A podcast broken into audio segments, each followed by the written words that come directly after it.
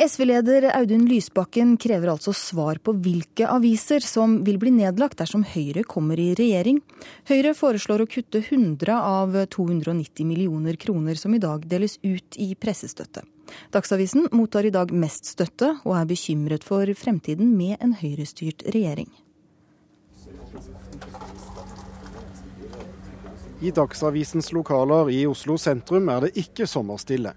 Heller ikke konstituert sjefredaktør Eirik Hoff Lysholm tar seg ferie når Høyre truer med å kutte over en tredjedel av pressestøtten. De over 40 millionene avisen får i direkte støtte, mener han er vel anvendte penger. Vi tilfører en ekstra stemme i mediemangfoldet i Oslo og i Norge. Vi er Norges fjerde mest siterte avis. Samtidig så utfordrer vi Aftenposten og er da en av to aktører som følger med på pengebruken i rådhuset i Oslo f.eks. Det er en viktig rolle. Lysholm frykter støttekutt betyr avisdød. Det mener han vil gå utover samfunnsdebatten. Jeg tror den eh, blir, blir, vesentlig forringa, fordi vi, vi, vet det at det å legge ned eller fusjonere aviser, det betyr at avislesinga går ned mye mer enn bare den ene avisa som forsvinner. Det blir lavere lesing av nummer én-avisa òg, fordi at det engasjerer mindre. Det går ut over den offentlige samtale, det er jeg helt sikker på. Fremskrittspartiet ønsker å kutte enda mer i pressestøtten enn Høyre. Men utover ønsket om å spare penger, er sjefredaktøren usikker på hva de to partiene egentlig vil med kuttene. Både Høyre og Frp er veldig tydelige på hva de vil gjøre. Frp er tydelige på at de vil bli kvitt vår avis, for at vi står for noe annet politisk enn det de gjør. Men de er også tydelige på at de vil bevare de viktige nummer to-avisene i Norge. Og Dagsavisen er like mye nummer to-avis i Oslo som det Bergensavisen er i Bergen eller Rogalandsavis er i Stavanger. Da må det være like viktig å bevare alle tre avisene. Selv om Avis-Norge går en usikker høst i møte, velger Dagsavisen å satse. Før valget etablerer de en ny avis i Drammen, der nummer to-avisen Fremtiden ble lagt ned for snart 13 år siden. Lysholm sier de gjerne starter opp også i flere byer, men det forutsetter trygge økonomiske rammer. Derfor inviterer han Høyres kulturpolitiske talsmann med på tur. Hvis han har lyst til å, å bli med meg til Drammen og se hvilket engasjement vi har vekt med at vi skal komme tilbake med en, eh, en, del av det som var fremtiden i gamle dager. Fra bredt spekter, både politikere, næringsliv og lesere, så vil han kanskje også skjønne at det kan være liv laga for gode papiraviser fortsatt. Det sa Dagsavisens redaktør Eirik Hoff Lysholm, og reporter det var Thomas Alvarstein Ove. Ja, Olemic Thommessen, kulturpolitisk talsmann i Høyre. Tar du oppfordringen fra Dagsavisen og blir med til Drammen hvor de skal starte nummer to-avis? Ja, og jeg syns at det er et veldig spennende initiativ fra Dagsavisen. Og det er nettopp den type initiativer som eh, Høyre ønsker. Enten det er i papirsammenheng eller det er nytenkning eh, i forhold til utvikling på nettet og kombinasjon av de to. Og um, Det er jo der vår kritikk har, ligger, har ligget mot uh, regjeringen, nemlig at um, det er ikke gjort noe med mediepolitikken uh, på åtte år uh, som har kunnet um, bidra til å styrke en slik utvikling. Tvert imot så ser vi at de som har fått mye pressestøtte, altså produksjonsstøtte, for det er vel det som er utgangspunktet for denne diskusjonen, de har fått stadig mer. Kanskje på bekostning av de som har fått eh, litt mindre, altså det har vært forskjøvet eh, i systemet.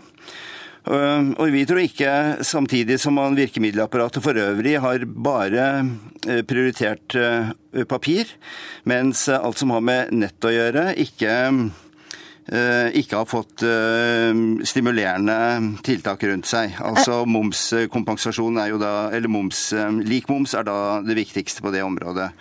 Audun Lysbakken, leder i SV. Tror, hvordan tror du den norske avisfloraen blir senest ut med Høyre i kulturministerstolen? Jeg tar Høyre på alvor når de eh, i sitt alternative budsjett har foreslått å kutte 100 millioner kroner i pressestøtten. Det vil slå dramatisk ut for mediemangfoldet i Norge. Og jeg mener vi nå må få eh, et klart svar fra Høyre. Hvilke aviser er det de har tenkt å slå konkurs? Er det lokalavisene som skal få mindre penger? Er det de riksdekkende meningsbærende avisene som Dagsavisen, Nasjonen, Vårt Land? Eller er det nummer to-avisene i de store byene som nettopp er en så viktig del av eh, den demokratiske samtalene i byene våre. Jeg frykter mindre mangfold, og jeg mener det er et alvorlig demokrati- og kulturspørsmål som velgerne må få en avklaring på før valget. Ja, Thommessen. Ja, dette, dette, utspillet som jo kulturministeren også hadde for ikke så lenge siden, viser meg, eller forteller meg bare at regjeringen ikke er villig til å ta inn over seg de endringene som skjer i avisverdenen. Altså, Hvis vi skal videreføre det som er gode norske pressetradisjoner og de verdiene som ligger der, så er vi nødt til å ha aviser som klarer å innrette seg på en digital eh, tidsalder uten at vi hele tiden må øke det statlige tilskuddet, og på den måten eh, skape en avhengighet mellom mediene og staten som vil være svært uheldig nettopp for de demokratiske prosessene som mediene er satt til å ivareta. Vi kommer ikke til å gjennomføre kutt i den størrelsesorden over natten. Det gjør vi ikke. Men vi kommer nok til å ha en strammere holdning til dette enn regjeringspartiene har hatt. Og jeg tror også at vi kommer til, eh, iallfall jobber vi med, en omstillingsstøtte eh, som vil kunne være mer prosjektrettet, og f.eks. gå til nettopp den type initiativer som vi ser eh, Dagsavisen Fremtiden-prosjektet er. Men, men, dersom dere får kutte i pressestøtten, så anslår Kulturdepartementet nå at mellom 50 og 70 aviser må legges ned. Altså, hvilke aviser er det som Lysbakken nå lurer på? Ja, forrige gang var det 100 aviser som måtte legges ned. Altså, dette er et regnestykke jeg ikke har sett, og det er et regnestykke som vel forutsetter at uh at det er svært liten omstillingsevne og tilpasningsevne i den norske mm, presseverden. Så dårlig tror ikke jeg om presseverden at, eh, at mediemangfoldet står og faller eh, på akkurat dette her. Og Lysbakken, hvorfor er du så bekymra for at, at, det ryddes opp litt i avisskogen? er det farlig?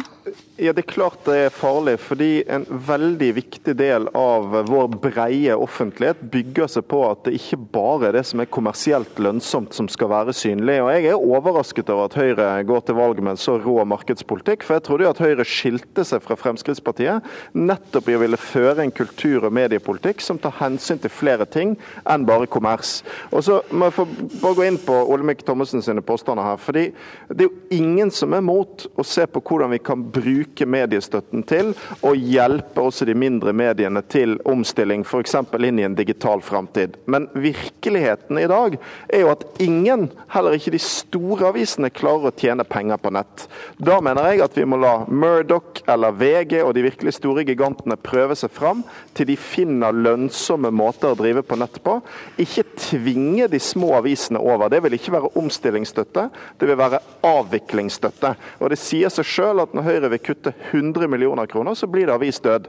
Og Da vil jeg gjerne få vite hvordan de har tenkt å fordele kuttene.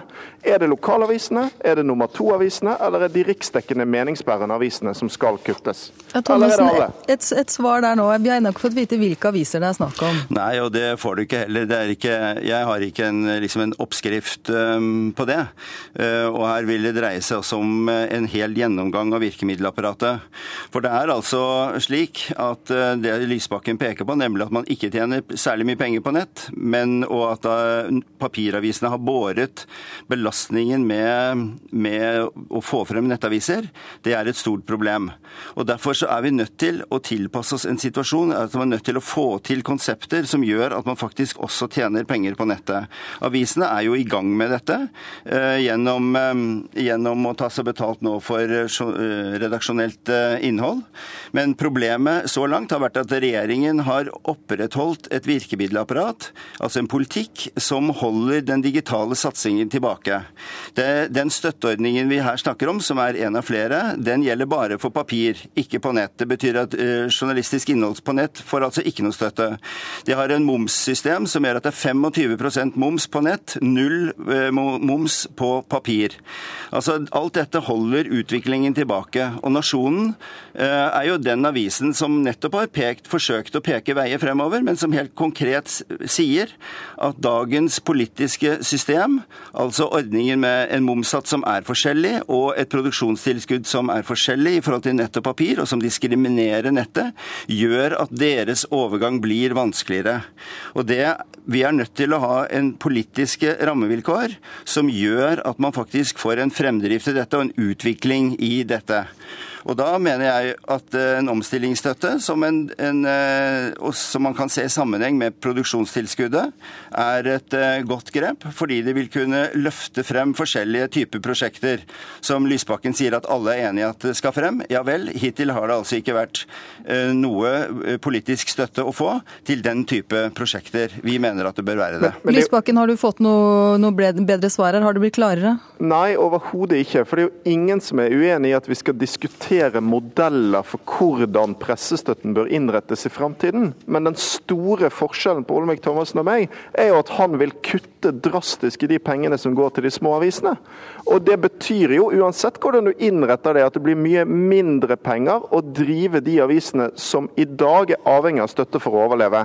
Det betyr avismonopol i de store byene våre, det betyr en fattigere offentlighet, eller det betyr nedleggelse av lokalaviser.